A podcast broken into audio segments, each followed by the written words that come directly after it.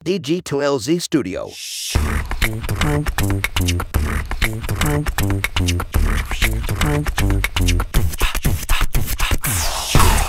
Selamat pagi, siang, sore, atau kapan pun waktu yang teman-teman pakai untuk mendengarkan podcast ini. Kembali lagi bersama saya Panji di podcast Ngobrol Bisnis.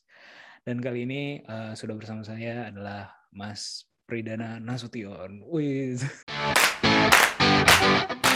Dan mensayangkan saham masyarakat. Jadi kita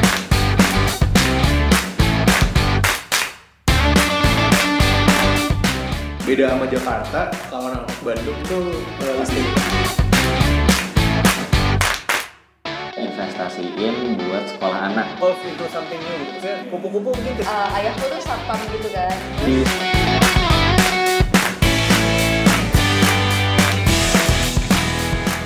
Halo Ji. Halo, Mas. ini uh, uh, podcast yang kedua kalinya ya. Di sini ya. Uh, sebenarnya tiga kali, cuman yang satu nggak dia. Yang satu terlalu banyak noise kayaknya ya. Iya, yang waktu itu di mall sama uh, oh iya jadi inget lagi ya belum aku kontak lagi tuh si si itu Iya. siapa namanya Kang Jo, bagus Iya. tuh Uh, kontak uh, tuh. yang aku selalu sering make sampel dia tuh untuk cerita ya kalau di kelas-kelas startup. Oke, oke. Uh, aku sama Mas Bri uh, belakangan ini ya uh, banyak kita banyak berkegiatan bersama di mentoring mentoring kampus Merdeka kayak gitu ya. Uh, Hmm. Baik itu di ITB ataupun kemarin juga uh, aku ajak di BINUS ya. BINUS bukan kampus Merdeka sih, tapi memang kegiatan mentoring ini mereka kayak gitu. Uh, eh, Oke. by, by the way gimana tuh eh, experience ini kan mungkin baru berapa bulan ini ya gara-gara kita ah. Uh, Altek mulai aktif Ah, ah, alhamdulillah ah. dapat kerjaan dari apa da- terkait mentoring bisnis nih gimana mas way tentang itu Iya sih. Aku komen ini dulu kali ya, masalah Hmm. kampus merdekanya dulu kali ya. Ah, Tapi eh, secara ide bagus sih sebenarnya ya. Kampus Merdeka itu kan jadi kayak apa ya, setiap mahasiswa gitu punya kesempatan belajar yang sama gitu ya. Dari mana pun bisa belajar di mana pun kan gitu konsep sebenarnya kan ya. iya merdekanya di Nah. situ ya Mm-mm. Nah, yang eh, kan macam-macam tuh mereka bisa milih magang, bisa milih. Nah, yang kampus merdekanya di Jinov itu oke juga sih eh, untuk buat startup gitu ya. Walaupun aku yakin kayaknya mahasiswanya juga pada nggak ngeh kalau misalnya belajar di situ bakal disuruh apa sih namanya buat produk kayak gitu-gitu. Kayaknya mereka juga kaget kaget gitu ya. Tapi secara umum oke gitu ya. Jadi eh, dengan program kampus merdeka, eh, jadi yang di Jinov ya khususnya ya, yang buat produk startup gitu. Jadi teman-teman mahasiswa itu punya apa ya? Mereka itu bisa praktek eh, apa ya? Buat startup secara langsung gitu kan ya. Hmm, Dikasih buat timnya, kemudian habis itu eh, buat ide bisnisnya, disuruh memvalidasi, habis itu dikasih apa eh, funding lagi ya untuk Iya. mengeksekusi ide itu gitu ya. Dalam Hmm. perjalanannya kan mereka bukan hanya belajar ilmu buat startupnya ya pengalaman, tapi juga dinamika timnya gitu ya, Iya. handle timnya. itu mereka jadi dapat semua gitu. Iya. Oh, ini kita ketawa-tawa karena ke- kebetulan kita megang apa ya ada yang beririsan terus dan, dan juga lucu-lucu ya timnya lucu-lucu gitu Iya. heeh. Iya, tapi ya bener sih memang ini apa terobosan lah gitu. Terus kan ini ya Mas, hari ini tuh eh, jadi kan eh, tadinya eh, Kampus Merdeka tuh minggu lalu di, di penutupannya. Tapi diundur ke pekan ini, persisnya hari ini nih tanggal Mhm. Hari ini 19. betul. Nah, tanggal 19 November gitu. Terus eh, apa namanya? Ya memang banyak banyak juga sih kayak kita diskusi beberapa hari yang lalu juga ya bahwa eh, kalau kebetulan si mahasiswanya memilih program yang tepat itu bisa jadi ba- menerima banyak manfaat kayak gitu ya. Kayak materi-materi yang tadinya tidak mereka pelajari di kampus, mereka bisa belajar secara independen gitu ya di eh, program kampus Merdeka. Tapi eh, eh, dan itu terkonversi ke SKS. Nah, itu kan enaknya ya sebenarnya ya. Iya. Dulu zaman kita Dan langsung ada 20 ya. Iya. Dulu zaman kita 20. mana ada gitu kan. Heeh, heeh. Tapi Iya, ini itu kalau menarik sih. 20 SKS satu mata kuliah, kalau nilainya jelek, IP-nya. Habis deh. iya ya Aku nggak waktu satu semester sih iya makanya harus serius tuh konversi SKS-nya gimana tuh? Apa apa beneran plek 20 terhitung satu mata kuliahku? kalau dapat ya kalau D parah lah. Kalau C aja tuh udah nyesek sih udah 20 udah, udah pusing mereka udah udah jesek Iya. Iya. nah, iya eh, kalau kalau dari Mas Budi sendiri ngerasa experience-nya gimana nih eh, nge ngedampingi anak-anak eh, yang baru mau mulai bisnis kayak gitu? Nah, jadi gini ya, kemarin itu agak miss gap-nya gini ya. Kita kan biasanya eh, handle-nya kalau aku pribadi ya, Nji, ya, itu Hmm. kan kayak misalnya UMKM yang udah running gitu ya. Iya. Udah running mereka ya walaupun berbagai level ya. Ada yang baru mulai, ada yang sudah levelnya ekspor. Jadi itu ekspektasiku mereka itu udah mapan banget gitu ya. Eh, ternyata ketika di apa sih namanya? jalan ya mereka itu mahasiswa gitu ya Hmm, mereka baru belajar gitu ya jadi agak sedikit eh, apa sih nah, sempat sempat sedikit oh ternyata mereka itu mahasiswa kita harus menurunkan sedikit speednya gitu ya. Iya. Dan juga ini sih ya masalah apa namanya eh, komitmen ya. Kalau kita dampingi eh, pebisnis yang udah jalan gitu UMKM atau startup yang memang eh, itu udah jadi jalan hidupnya gitu, pilihan hidupnya gitu, bukan lagi disambi sambil kuliah. eh, itu kan jadi jauh lebih serius ya. eh, ya ya eh, lebih lebih apa ya lebih ini tapi ya ini experience sih benar benar yang tadi Mas Pri bilang ya yang mereka Mm. dapetin bukan cuman mungkin nggak tahu nanti running apa enggak tapi knowledge-nya udah pasti terus juga experience ya ya handling grupnya itu grup gitu timnya mencoba membuat bisnis gitu gitu dan memang benar ya kita persis banget ya baru semalam Ma- yang Mas Pri omongin cuman mau aku eh, tambahin tapi takut terlalu ini juga.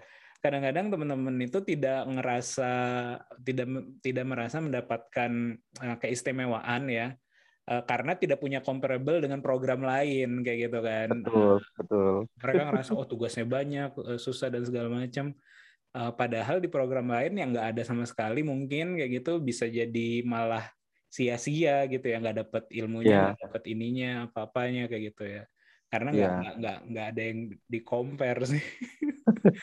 Tapi aku aku paling percaya ya eh, ya kalau dalam proses belajar mengajar yang paling banyak eh, apa ya dapat ilmu justru kita sih sebenarnya eh, sebagai mentor atau sebagai ini. Karena kita di refresh lagi eh, belajar lagi terus juga ketika kita nanggepin oh ya ini kayaknya gue mau implement di eh, bisnis gue nih yang gue obrolin. Kalau kalau aku sih kayak gitu mas. Kalau mas Pri pandangannya gimana tuh kalau terkait itu? Iya. Iya kan kalau ngikat ilmu itu kan ada tiga kan ya. Yang Hmm. pertama catat gitu kan. Yang kedua dijalanin bisnisnya kayak si Panji tuh. Yang ketiga kalau kita ngajarin Hmm, Iya, jadi aku juga- ya, istilahnya. ya? Ah, iya ngikat ah, iya, betul betul betul. Iya diperhatiin. Nah, aku juga jadi banyak belajar dari Panji gitu ya kan selama ini banyak eh, berkecimpungnya di bisnis yang konvensional gitu ya.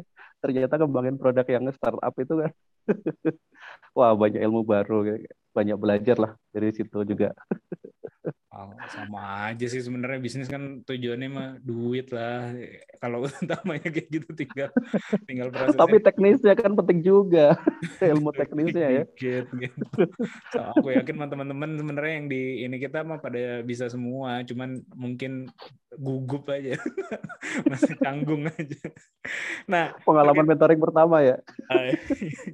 nah terkait dengan itu kita beberapa hari yang lalu atau minggu lalu ya mentoring eh, aku ngajak Mas Pri untuk sebagai mentor tamu di eh, Binus ya di Hmm. kelas mentornya Binus dan kita ngebahas eh, kenapa aku, aku ajak Mas Pri karena kebetulan di hari tersebut eh, ada dua eh, startup yang eh, apa ya fokusnya di eh, F&B Kopi. spesifiknya di kopi ya kayak gitu betul spesifiknya di di kopi gitu nah terus eh aku tertarik banget sama apa yang disampaikan Mas Pridana ya di sana eh, tentang beberapa hal gitu.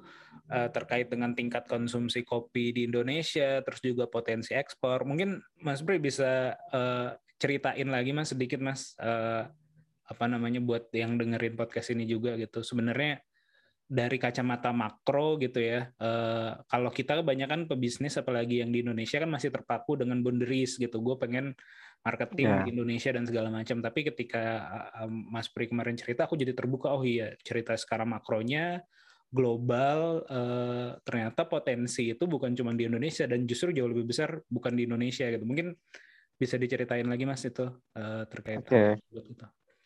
Iya, bisnis kopi itu agak menarik ya, bukan agak menarik, sangat menarik ya. Jadi Iya. kan eh, kalau tahun 2020 kemarin ya, kalau waktu mentoring kan aku pakai data tahun 2018 gitu. Nah, tahun 2020 kemarin itu yang ekspor paling banyak tetap Brazil nomor satu ya. Nilai ekspornya itu sekitar 5 miliar USD ya. Uh, gede banget itu. Kalau kita konversi ke rupiah itu sekitar 72 triliun tuh. Hmm. Dua tahun aja udah bisa membiayai kereta cepat Jakarta Bandung itu. Brazil itu ya, Brazil ya. Iya, iya Brazil. Wah, kan nilainya gede banget gitu ya. Hmm. Nah, tapi yang menarik bukan di Brazilnya. Kalau Brazilnya mah emang dia negara produsen kopi terbesar ya. Nah, tapi yang menarik itu justru peringkat dua sama tiganya, Anji. Jadi peringkat duanya itu Swiss ya, tahun kemarin ya. Swiss, peringkat tiganya itu Jerman gitu. Nah mereka kan bukan negara produsen kopi gitu ya, Iya, tapi ternyata nilai ekspornya gede banget. Hmm. Nilai ekspor kopinya. Artinya apa di situ? Jadi potensi untuk buat nilai tambah ya. Jadi kan negara-negara Swiss, Jerman, kemudian negara kayak Italia, itu kan mereka pasti ngambil kopi dari negara-negara produsen kan. Iya. Tapi sama mereka diolah, dijual lagi gitu. Dan ternyata duitnya gede banget gitu kan. Hmm. Nah, jadi ini eh, potensi pasar yang cukup menarik sebenarnya ke depannya gitu ya. Eh, kenapa bisa seperti itu? Mungkin salah satu faktornya di Eropa itu kan jaraknya dekat ya, ya kita jalan-jalan aja nggak tahu tiba-tiba dari Jerman kita udah ke Belanda gitu, nggak tahu Hmm. perbatasannya di mana gitu kan ya. Jadi masalah faktor transportasi itu nggak begitu masalah mereka. Nah, tantangan kita di Indonesia, oh sorry, Indonesia itu tahun kemarin itu posisi ekspornya tuh di peringkat 10, Ji. Kopi Peringkat ya, 10 dunia ya. peringkat 10 dunia. Itu nilainya itu kalau nggak salah itu 800 jutaan ya, 800 juta. Share-nya ter- cuma 2 persen ya, cuma 2 persen dari total 800 juta apa nih? USD, USD. USD. Oke. Heeh, heeh, 800 juta USD. Tadi perbandingannya kalau Brazil kan 5 miliar ya, berarti lima kalinya lebih ya, Iya, lima iya. kalinya lebih. Itu. Iya, iya, Nah, oke. Nah, justru kita kalah jauh tuh sama Swiss, sama Jerman gitu ya. Swiss itu lebih dari 2 miliar posisi ekspor kopinya gitu ya. Hmm. Nah, padahal kita produsen. kita Nah, produsen. A- a- Aku mungkin nanya kalau Mas Pri tahu datanya, maksudnya memang kapasitas eh, oke lah kita kesampingkan dulu yang Swiss dan Jerman ya, karena mereka nggak mungkin punya lahan kopi ya. Kopi kan mungkin Ya. tumbuhnya di daerah tropis ya, kalau aku Iya, salah. Iya, daerah tropis. Daerah Dia tropis ya. hanya Berarti bisa uh, uh, ya berarti Indonesia, katulistiwa. Brazil itu mah pasti masuk lah Brazil karena kan Ah, ah. kena katulistiwa juga tuh daerah tropis gitu. Oke, kita kesampingkan dulu yang Swiss dan Jerman. Em, kapasitas eh, Indonesia memang berapa sih sebenarnya atau kapasitas Brazil itu berapa? Eh, maksudnya kalau kalau Mas Pridana tahu ya, apa jangan-jangan eh, ekspor kita sedikit, ekspor Brazil lima kali lipat lebih lebih banyak karena orang Brazil nggak ngopi, orang Indonesia ngopi gitu. Jangan-jangan eh, dipakai di internal gitu Oke. ibaratnya lah kayak gitu. Ya, itu juga make sense. Tapi dari Hmm. sisi produksi ya, ya. Hmm. Produksi itu aku lupa ininya, lupa datanya. Cuman kalau dari presentase kira-kira masih ingat lah ya. Jadi kalau Brasil itu produksinya kan kalau Brasil kan Arabica ya. Eh, kopi kan yang paling banyak dikonsumsi kan dua jenis tuh, Arabica sama Robusta. Robusta. Walaupun ada Liberica sih sebenarnya, cuman kurang belum belum jadi favorit saat ini. Iya, iya. Kalau Arabica itu ya memang share produksinya itu terbesar itu di Brasil ya. Posisinya itu sekitar 40 persenan. Hmm. Kalau Indonesia itu di angka 3 ya, 3 persen, 3 sampai 5 persen lah ya eh, terhadap produksi global. Nah, kalau Hmm. Arabica segitu. Mhm. Tapi kalau Robusta, Robusta cukup gede Indonesia karena yang paling gede itu pertama adalah Vietnam. Vietnam itu posisi pasar produksinya ya itu sekitar kisaran 30-40 persen. Hmm. Nah, Indonesia itu Robusta itu di sekitar 15-an persen, 15 sampai 20-an lah berkisar segituan. Hmm. Robusta lumayan pemain kunci di Indonesia Indonesia. gitu ya. Uh, uh, cuman kalau Arabica emang belum sih, belum. Hmm. Kira-kira gitu, Ji. Berarti Nah, sebenarnya kalau dari mis- sisi dari sisi share eh, produksi dunia pun sebenarnya bu- bukan jadi yang top ya Indonesia ya. Oke lah di Belum, eh, belum. di robusta ya tadi ya. Yang yang kedua Iya, di, di Robusta. robusta jus- eh, lumayan lah 15% gitu. Ceruknya Mm-mm. cukup eh, ya lumayan lumayan lah 15%. Lumayan, lumayan. Uh, Heeh. tapi kalau di total eh, belum sampai eh, kayak peringkat-peringkat awal lah kayak gitu ya. Memang memang skala produksinya tidak sebesar eh, Brazil sama Vietnam. Vietnam ya. Vietnam kan maksudnya secara aku bingung sih kok negara-negara Vietnam oke lah masuk hitungan ya karena dia di tropis artinya mereka eh, produksi mereka punya kebun sendiri lah ibaratnya kayak gitu kan. Tapi kok bisa bisa sebegitu gedenya ya maksudnya kita padahal lahan banyak ya kenapa? Eh, Itu ya, mereka itu fokus ya. Jadi Vietnam itu bahkan mulai kopinya jauh lebih eh, terakhir ya dibanding Indonesia ya. Mereka itu fokus di kopi sekitar 90-an loh. Dalam waktu 20 tahun langsung 40% share kopi robusta Hmm. gitu. Kuncinya di fokus sih sebenarnya. Oh, jadi mereka rata-rata perkebunannya digunakan untuk eh, ini, untuk eh, kopi kayak gitu ya, untuk komoditinya komoditinya kopi kayak gitu ya. Iya, kopi gitu ya. Dan ini ya, jadi sebenarnya bukan hanya Vietnam ya. Jadi negara Hmm. kayak Tiongkok itu juga ada kopinya dan Hmm, perkembangannya pesat juga, Ji.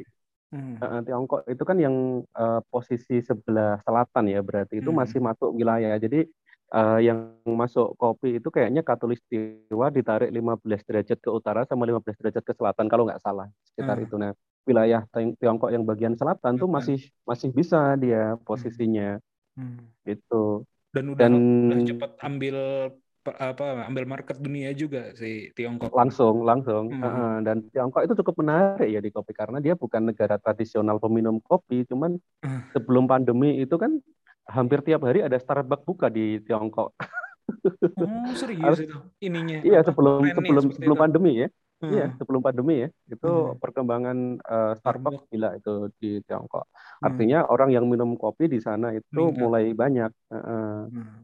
Oke. gitu Oke, tadi berarti kan eh, tadi aku berasumsi bahwa eh, apa namanya Indonesia supply ke dunia itu peringkat 10 besar secara nilai totalnya 800 juta eh, US dollar yang mana peringkat 10 kayak gitu ya. Eh, tadinya asumsinya kenapa kalah karena produksi kita banyak dinikmati dalam negeri, tapi secara skala dunia pun produksi kita nggak gede-gede banget juga gitu. Artinya Betul, mungkin betul. eh, kalau bisa kita bikin compare, apakah memang lebih banyak yang diekspor juga sebenarnya dibanding digunakan di dalam negeri gitu? Eh, kalau data konsumsinya aku belum tahu Oh, persis oke. ya. Jadi kan Hmm. kalau data kopi yang ekspor tuh kita lebih gampang nge-tracknya ya. Tapi Hmm. kalau untuk yang konsumsi dalam negeri ini kita yang susah nge-tracknya. hmm, iya sih betul. betul.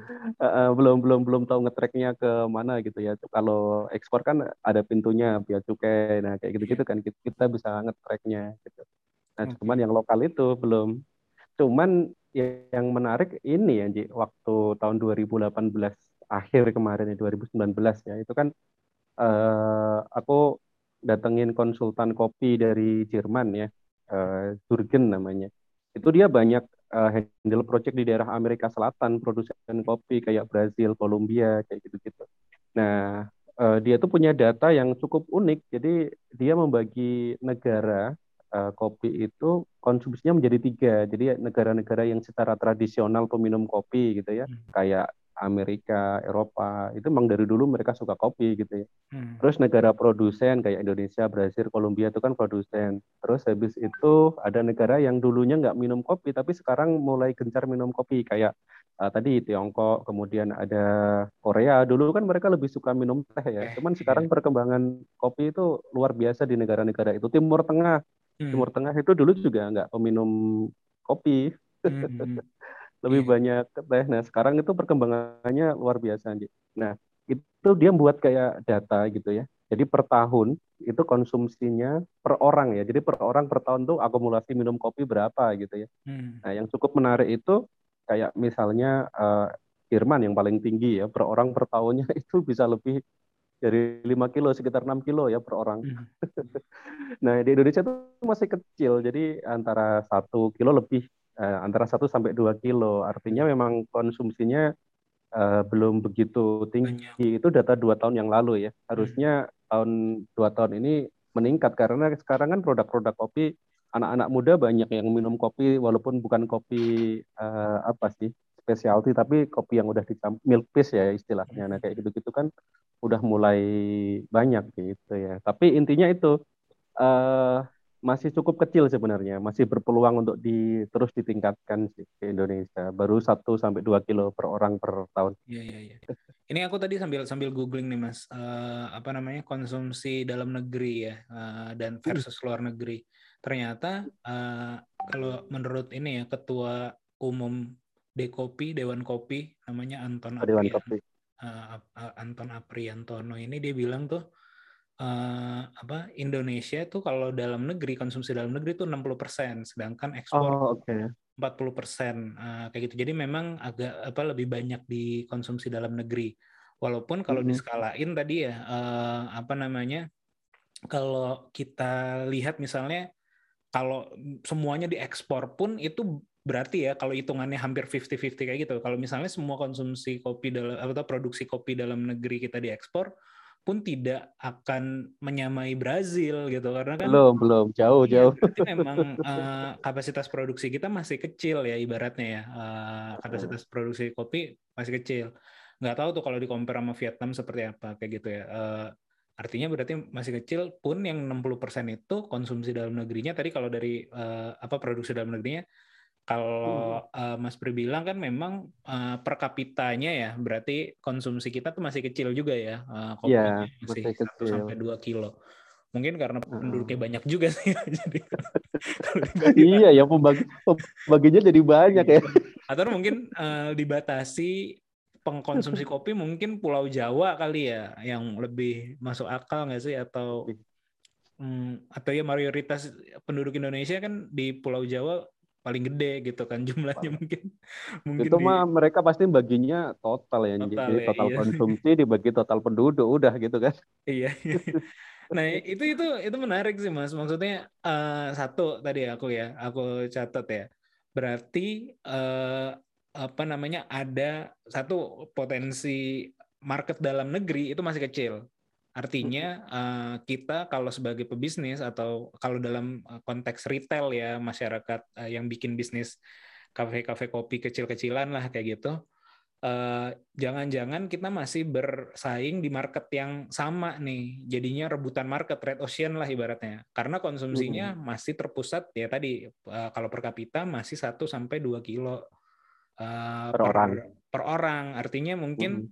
Itu bisa dinaikin gitu kan. Berarti kan eh, kalau itu dinaikin mungkin nanti kafe-kafe kopi atau ya eh, apa pun lah produk kopi turunannya bisa eh, lebih mening- lebih banyak lagi. Yang kedua ada emerging market juga tadi ya, yang dari Tiongkok, Iya. eh, Cina, eh, apa tadi Korea, Jepang juga nggak? Kalau Jepang masuk? Jepang itu ternyata trad- masuk negara tradisional sih. Kalau pem- berdasarkan tadi ya pembagian Hmm. dari eh, temanku yang konsultan dari Jerman itu ya. Mhm. Dia mengkategorikan Jepang itu ternyata tradisional udah udah banyak konsumsinya dari dulu juga. Oh, Eh, negara Timur Tengah sih sebenarnya yang cukup Hmm. menarik ya. Eh, Jadi kayak Turki, nah kayak gitu-gitu itu ternyata wow eh, apa sih permintaannya cukup gede Mhm. gitu ya. Mereka itu banyak minta kopi robusta ya, Eh, robusta dan arabica walaupun robusta lebih dominan ke Indonesia. Artinya ketika mereka udah nyari barang ke Indonesia, itu mereka udah susah nyari barang dari tempat lain tuh, dari Vietnam terutama ya, karena dari sisi harga kita jauh di atas Vietnam ya. Eh, kopi kita itu cukup tinggi harganya di level oh, internasional karena gitu. lebih dihargai gitu maksudnya. Maksudnya karena memang Ya. produknya bagus. Eh, bisa jadi itu, bisa jadi karena tadi kan eh, data dari Dewan Kopi tadi kan 60% konsumsi lokal ya, artinya konsumsi lokalnya sendiri udah udah lumayan ya Hmm. untuk kapasitas produksi yang ada maksudnya ya, kecuali kalau misalnya nanti kapasitas produksinya ditingkatin lagi. Hmm, Gitu. oh, jadi karena yang dia ekspor dikit, eh, terus juga mungkin masalah kualitas, jadi harganya lebih mahal dibanding Gitu. eh, Yang lain. Oke oke. oke. Mm-mm. Nah itu kemarin itu dari daerah aku lupa ya dari kawasan Timur Tengah lah pokoknya negara sekitar Arab Saudi nah sekitar situ tuh minta datang ke sini gitu ya eh, ke salah satu UMKM eh, mitra gitu ya minta dikirim barang dan tuh harganya lumayan loh. Oh oke Hmm. berarti mereka sampai nyari barang ke sini itu artinya mereka emang lagi pasarnya di sana lagi bagus gitu. Eh, eh, aku kira Turki Timur Tengah itu peminum kopi tradisionalnya ternyata enggak ya soalnya kan Enggak enggak kopi kalau nggak salah dari bahasa Arab juga kan kohwe kohwe atau apa gitu kopi, kopi itu dari Ethiopia sih dulu Ethiopia ya? awal oh mes- eh, ini ya, Ethiopia Afrika ya awalnya ya. Uh, Afrika. Ah. Walaupun habis itu tuh banyak dibawa pedagang ini hikayat sih ya. Karena kalau kita bilang sejarah nggak ada data resminya. Iya iya iya iya. Yang ini kan yang apa ada orang nemu apa ya kopi atau apa terus di nggak sengaja yo jadi seger kayak gitu kan di iya, iya, iya, iya. Pertama Hikayat ya? ternaknya dulu pertama bahkan. Apa? Oh iya iya dulu. iya kambing ya kambing apa domba gitu Iya, iya, kambing atau domba gitu kan. makan biji-bijiannya gitu ya. Ya, Tapi juga dombaku ya. jadi happy banget gitu. Ini Eh, hikayat kan jatuhnya itu Iya, kan. iya. nggak ada dari- ada dasar aslinya ya sejarah aslinya. Nah, terus habis itu ke emang pedagang Arab banyak Hmm. yang memperjualbelikan dulu ya. Nah, Hmm. nah habis itu VOC itu kan banyak bisnis di kopi juga, Ji. Iya iya iya iya. Iya iya iya. Mereka nanam pertamanya kan di Jakarta itu di kebun kopi, makanya dikasih nama kebun kopi itu kan. Iya iya iya. Nah, Dekat rumah saya malah di Jakarta tuh nama daerahnya Pondok Kopi. Kebun kopi apa pondok kopi ya? Aku lupa Pondok sorry Kopi, sorry. jangan-jangan kalau kebun Pondok Kopi itu dekat iya. rumah saya. Soalnya nyambung. Jadi kalau di area kalau Jakarta kan memang kebanyakan eh, apa sih namanya? Istilahnya tuh penamaan daerahnya tuh eh, based on history kan. Eh, Oke. maksudnya based on history kayak misalnya pasar Senen karena di zaman dulu memang ada eh, pasar tiap hari Senin di situ buka lah. Tiap hari Senin orang menjajakan di sini pasar Minggu yang kayak gitu-gitu. Nah, daerah Mm. saya itu saya di Jakarta Timur ya. Eh, ada nama itu kelurahan atau apa ya nggak tahu juga pokoknya ada nama area lah gitu itu pondok kopi gitu Po- Oh iya pondok kopi. Aku lupa sih antara pondok, Pondok kopi ke kebun kopi.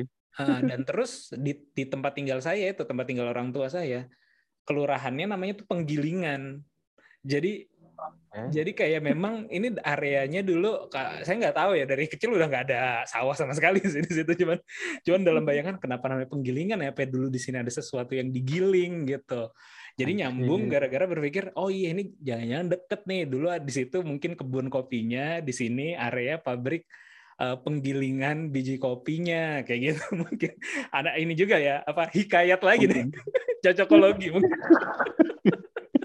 iya karena Oke. Eh, eh, ya mungkin mungkin gitu tuh kalau kita mau track idenya ya eh, apa namanya sejarahnya di di Indonesia. Eh, tapi Hmm. berarti kalau gitu kopi itu bukan tanaman asli Indonesia asal muasalnya atau ada juga? Enggak sih, emang datang ke sini tuh VOC kan ya. VOC, Eh, oke. eh, eh, VOC. Kalau nggak salah ya ini Hah. aku hikayat jadi Eh, otakku bingung antara hikayat sama sejarah itu. Cuman cuman iya sepertinya emang VOC ya. Jadi yang pertama itu tuh di Pondok Kopi, tapi Hmm. karena itu kan daerah rendah ya, kurang berhasil. Kemudian dibawalah ke daerah Sunda kan pertama kali. Nah, ditanamlah berhasil bagus tuh. Nah, jadi sempat ekspor kopi perdana itu tahun berapa ya? 1800-an pas 1700-an gitu, Nji. Nah, Hmm. itu uh, ada historinya juga ya. Terus dari Sunda itu menyebar tuh ke daerah Sumatera. Itu sa- sama VOC semua yang distribusi ininya ya, kopinya ya. Iya, iya. Nah, kopi itu salah satu komoditas utama VOC pada waktu itu memang Oh, gitu. iya. Nah, itu kan Arabica semua yang ditanam terus sampai akhirnya eh, ada kayak wabah penyakit lah ya, jamur. Habis itu barulah muncul spesies eh, dikembangkan robusta itu kan. Makanya dikasih nama robusta itu karena dia robust ya, tahan Robust. terhadap eh, Virus. hama gitu. Ah, itu historinya. Iya, iya. Nah, berarti tadi kalau kita ngomong masalah makro kan eh, peluangnya tadi yang pertama aku bilang kayak gitu ya. Eh, ada eh, yang di dalam negeri nih berarti kita masih bisa mungkin edukasi marketnya, masyarakat edukasi untuk lebih banyak minum kopi lah atau mengkonsumsi produk kopi kayak gitu. Biar eh, biar apa namanya ya? ya biar tingkat konsumsinya meningkat dan juga soalnya kan sekarang dilemanya adalah anehnya gitu ya hampir di setiap kota gitu ya di kota-kota besar sih terutama dan di setiap Hmm. jalan tuh ada kafe kopi pasti kan.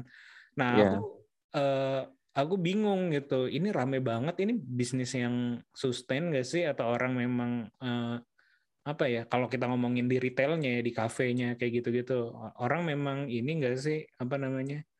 oh, sebanyak itukah orang yang minum kopi gitu? Terus se- secara loyalitas bagaimana kayak gitu? Loyalitas terhadap eh, Brand, ya. kopi tersebut gitu kan? Karena kan ujung-ujungnya ujung-ujungnya a- apa ya kafe kopi itu kecuali mungkin kayak yang memang udah eh, udah branded gitu ya jadi kita bisa langganan kayak misalnya ya kalau Indonesia aku sendiri kalau untuk jaminan ya pasti kayak Starbucks kayak gitu itu pun merek-merek luar kayak gitu gitu kan Ya, tapi ya, kalau ya. kafe kopi atau kedai kopi eh, masyarakat secara umum itu cuman jadi eh, meeting point aja sebenarnya. Yang dijual jadinya eh, apa ya ini adalah tempat untuk ketemu gitu. Bukan kayak berlangganan kopinya gitu. Eh, bukan bukan hanya sekedar bukan bukan jadi berlangganan. Padahal kan sebenarnya kalau untuk kayak gitu kita nyari loyalis kan. Maksudnya oke Ya. biar biar kayak eh, Starbucks lah kalau misalnya dalam industri eh, F&B-nya kayak gitu kan pengennya seperti itu gitu. Jadi mungkin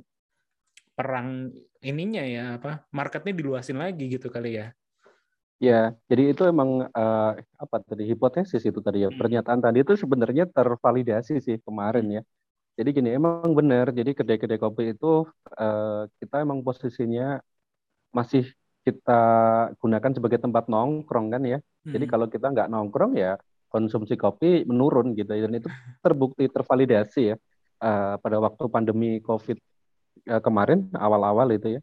Aku patokan harga cherry aja lah ya di petani. Jadi eh, sebelum COVID itu harga cherry ya, eh, cherry kopinya itu per kilo itu eh, bisa sampai 8 ribuan ya yang Arabica ya, 8 ribuan. Nah, ketika pandemi di awal di tahun 2020 itu Nji, itu harga cherry itu ngedrop sampai sekitar 3.000 4.000 kan artinya pasar emang lagi nggak banyak nyari ya walaupun sekarang udah mulai bergerak naik lagi sih eh, yang tahun ini ya udah mulai bergerak naik lagi walaupun belum setinggi tahun 2019 Hmm. nah artinya ya emang karena banyak kedai yang ditutup gitu ya Hmm. eh, jatuhnya kayak gitu tuh Eh, memang masih di Indonesia ya masih banyak eh, kita konsumsi kopi itu ketika kita nongkrong kayak gitu. Ketika kita nggak nongkrong juga kita nggak nyari-nyari banget gitu kopi kecuali Iya. kayak yang udah yang udah biasa minum kopi kayak ya kalau aku pribadi sih minum kopi bisa 3 sampai 4 ya cangkir Hmm. per hari gitu ya. Hmm. Tapi kan ya belum semua orang masih masih lebih umum teh kan sebenarnya kalau kita Iya. ya. Kalau aku pagi sih opsi sih, karena biar nggak ini juga ya, biar nggak ketergantungan juga. Soalnya wa- waktu itu aku pernah sampai di level ini mas, maksudnya apa ya? Kalau nggak ngopi tuh jadi pusing gitu. Maksudnya Oh. eh, eh, jadi apa ya? Jadi kayak kurang kurang apa ya?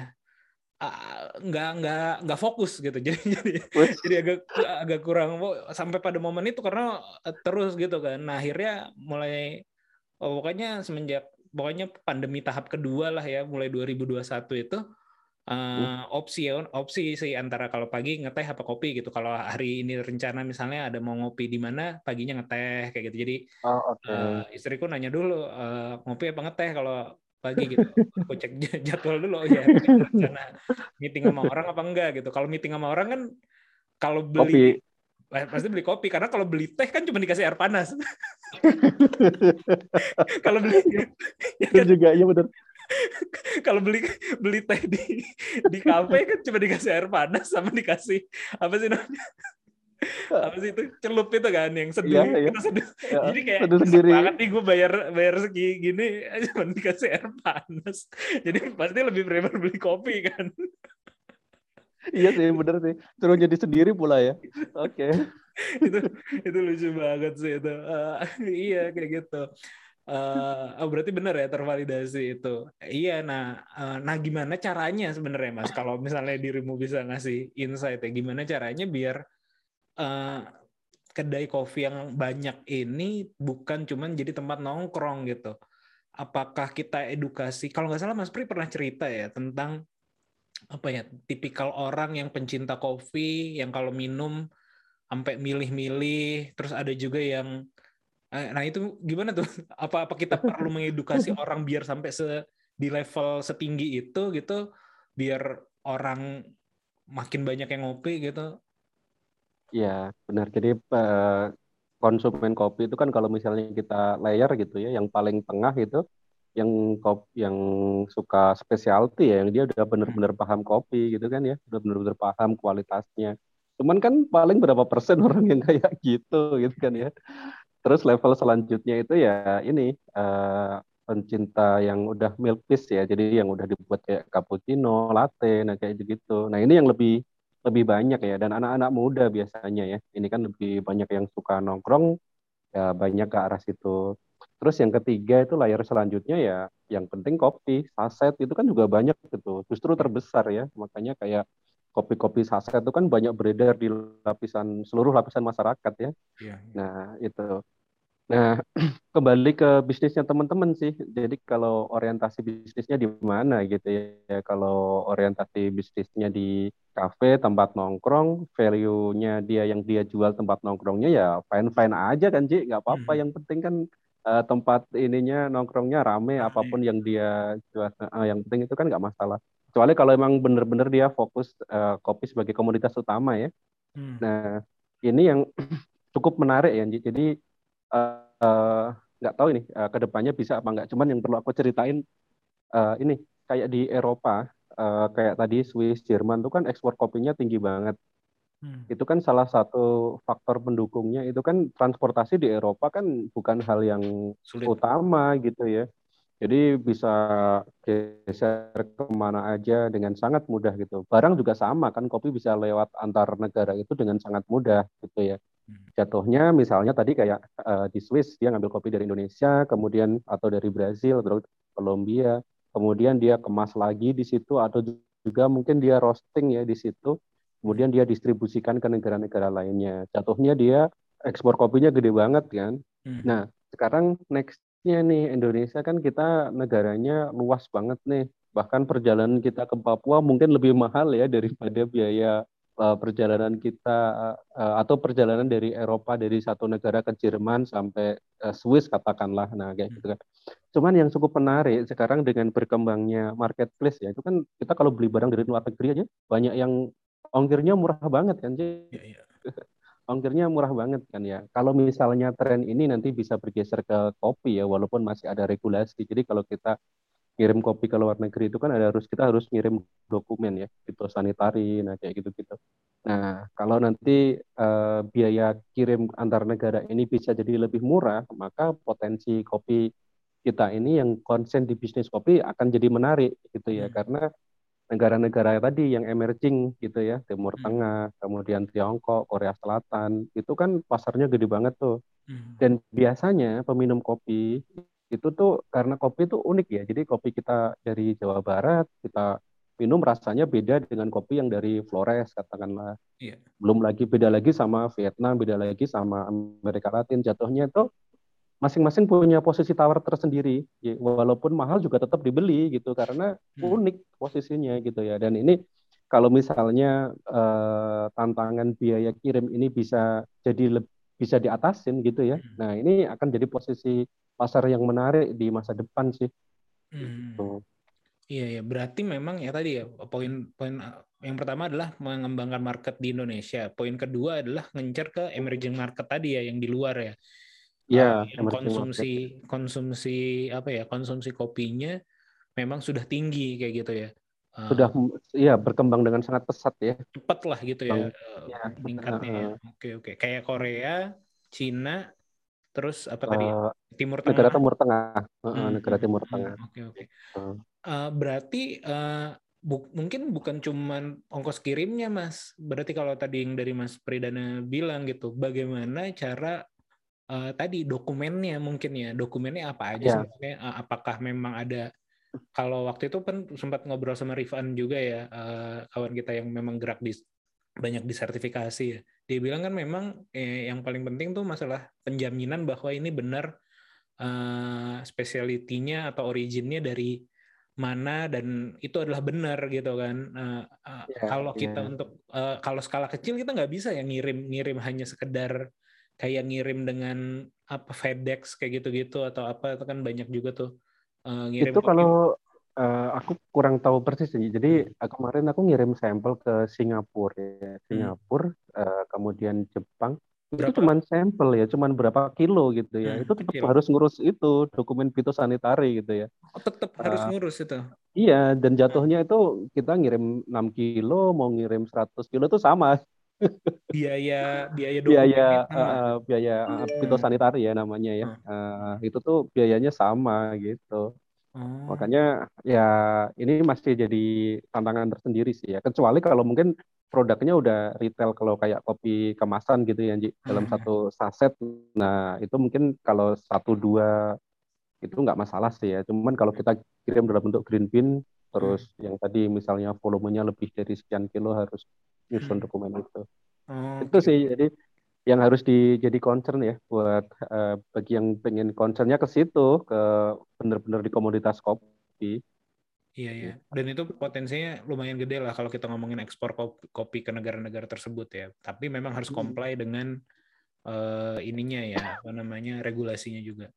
Nah, eh, tadi kalau udah disebutin misalnya masalah kalau kita ngirimnya green bean gitu, eh, itu bermasalah eh, apa ya agak-agak eh, tadi ya banyak-banyak eh, regu- ada regulasinya lah. Cuman kalau dalam bentuk misalnya sasetan dan sudah misalnya udah eh, eh, apa namanya ya sudah sasetan eh, kopi bubuk aja gitu ya, itu jauh Mhm. lebih mudah memang. Iya, karena ber- udah jadi produk ya posisinya ya. Hmm. Oke oke oke oke. Udah jadi produk dia.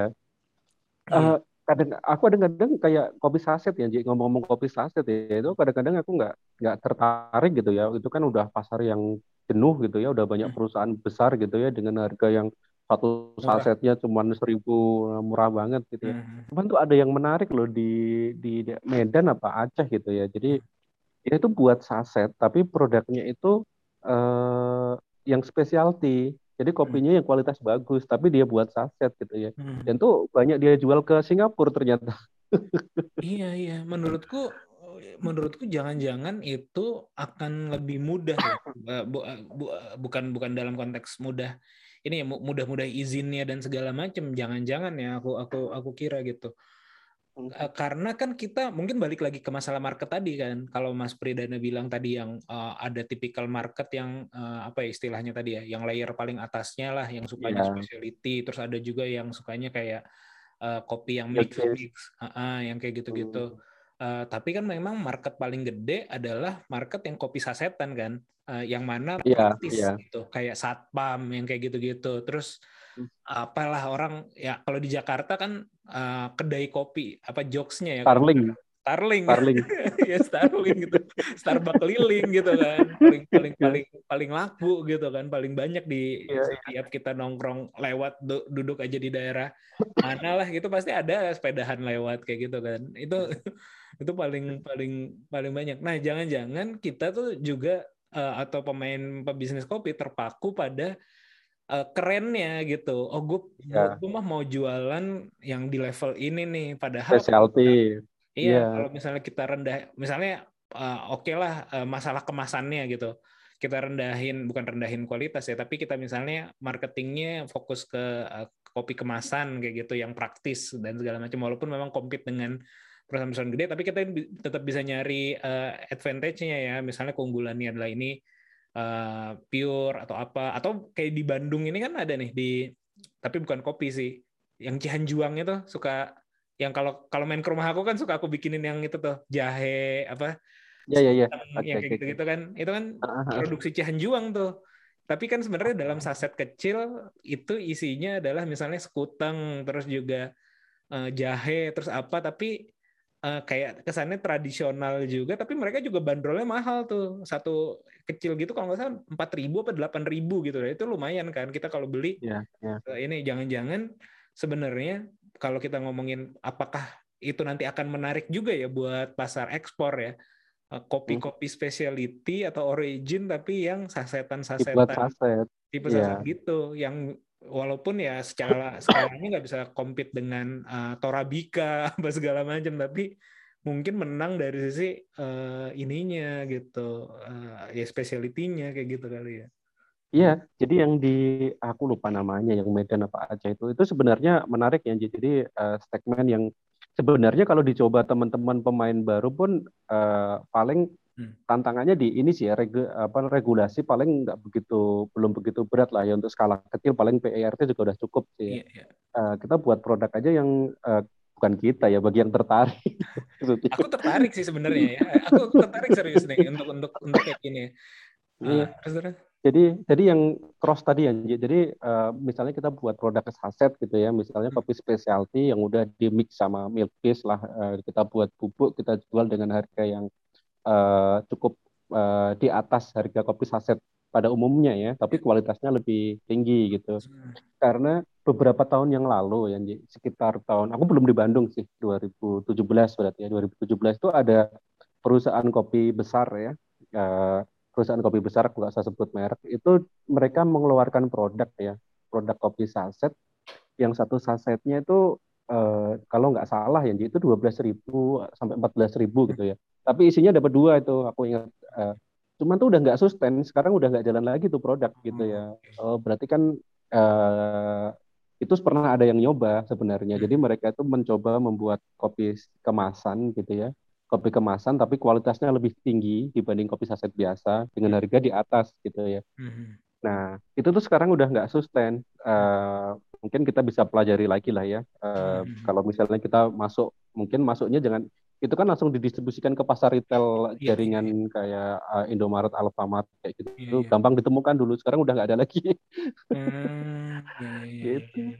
Oke. Ya, jadi kalau misalnya mau dicoba, apalagi sekarang kan eh, teman-teman yang udah punya kedai kayak gitu, itu rata-rata punya ini kan ya, mereka udah Player. punya eh, followernya di sosmed kan banyak-banyak tuh, Ji. Sebenarnya jualan dari situ juga udah lumayan tuh kalau pengen yang pengen coba gitu. Hmm. Kita kalau misalnya mau coba, aku banyak tuh supplier kopinya ya, bisa di Hmm. Iya iya iya, aku pengen sih sebenarnya. Adek adekku kan aku pernah bilang ya, di Parku tuh kan ini bisnis kedai kopi kan sebenarnya di Palembang. Dia juga kadang-kadang kalau yang di Bandung tuh dia suka supply untuk hotel-hotel gitu. Jadi kayak misalnya eh, cuman mainnya eh ya wajar sih mainnya eh, kalau bisnis kan memang pragmatis ya mainnya kalau hotel kan sekali order bulk kayak gitu-gitu walaupun tidak Hmm, tidak sus maksudnya tidak berkelanjutan ya misalnya lagi testing oke gitu mesen sekaligus banyak gitu.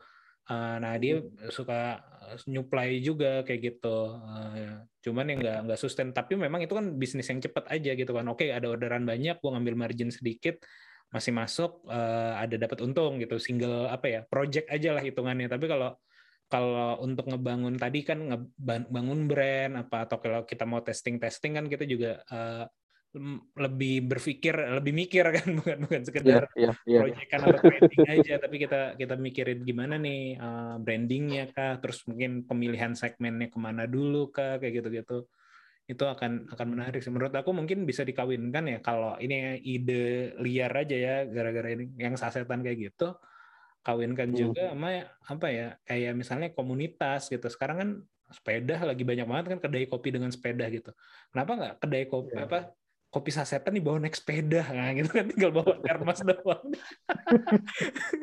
jadi jadi ada ada ada, ada ininya gitu mungkin nggak nggak semuanya tapi kayak misalnya apa naik gunung bawa sasetan tapi ngopinya ngopi yang enak kayak gitu bukan ABC kayak gitu, Ya.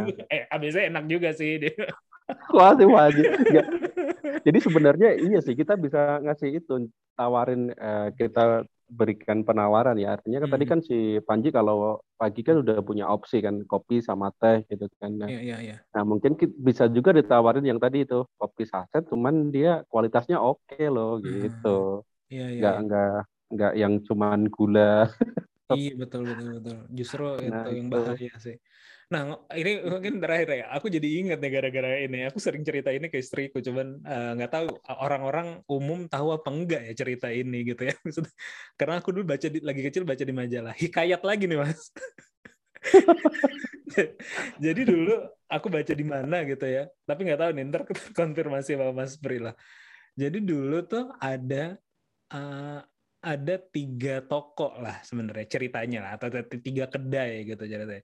Ada kedai kopi, ada kedai susu, ada kedai teh kayak gitu di Cina lah kalau nggak salah ya di mana ya mereka berdagang masing-masing kayak gitu. Lakunya juga eh, punya segmen marketnya masing-masing gitu si tiga kedai ini.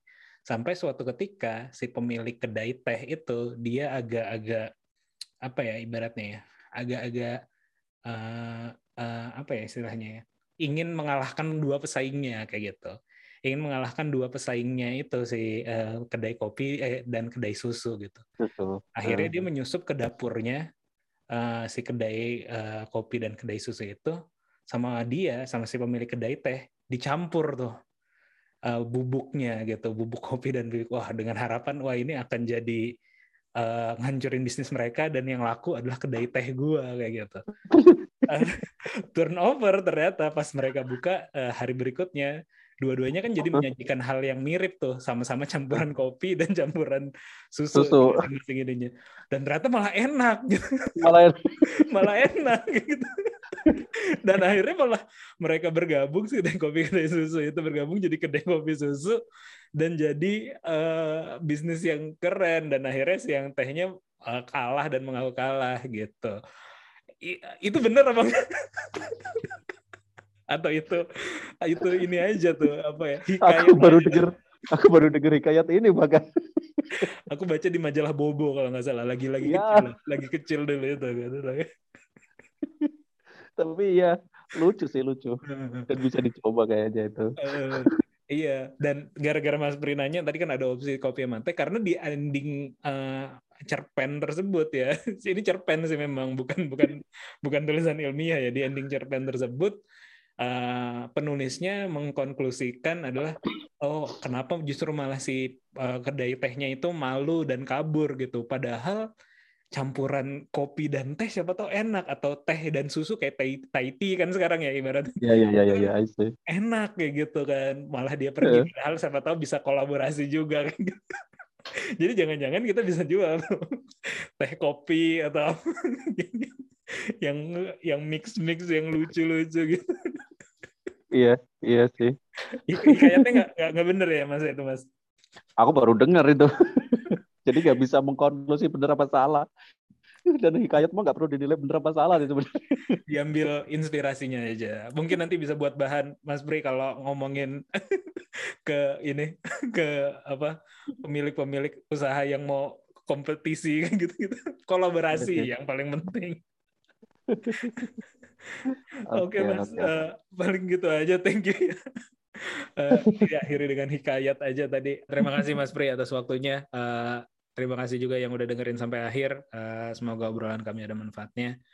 Eh, sampai ketemu di podcast ngobrol bisnis episode berikutnya. Bye.